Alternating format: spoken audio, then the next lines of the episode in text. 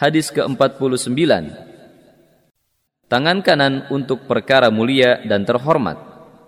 عن عائشه رضي الله عنها قالت كانت يد رسول الله صلى الله عليه وسلم اليمنى لطهوره وطعامه وكانت يده اليسرى لخلائه وما كان من اذى Dari Aisyah radhiyallahu anha ia berkata, tangan Rasulullah sallallahu alaihi wasallam. Dari Aisyah radhiyallahu anha ia berkata, tangan kanan Rasulullah sallallahu alaihi wasallam digunakan untuk hal yang bersih dan makan, dan tangan kirinya digunakan untuk buang hajat dan untuk hal yang kotor.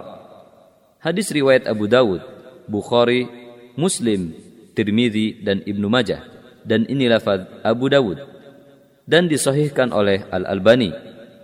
Perawi hadis, lihat hadis nomor 5. Beberapa faedah hadis ini adalah Inilah kaidah baku dalam Islam.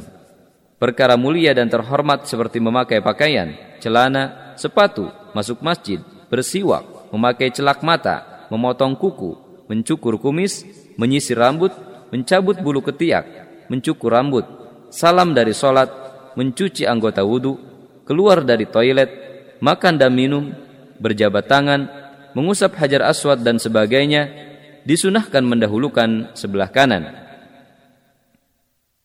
Adapun perkara yang menyelisihi perkara mulia dan terhormat, seperti masuk toilet, keluar masjid, membuang ingus, cebok, melepas baju, celana, sepatu dan semisalnya, maka disunahkan mendahulukan bagian kiri. Hal ini karena bagian kanan lebih mulia dan terhormat.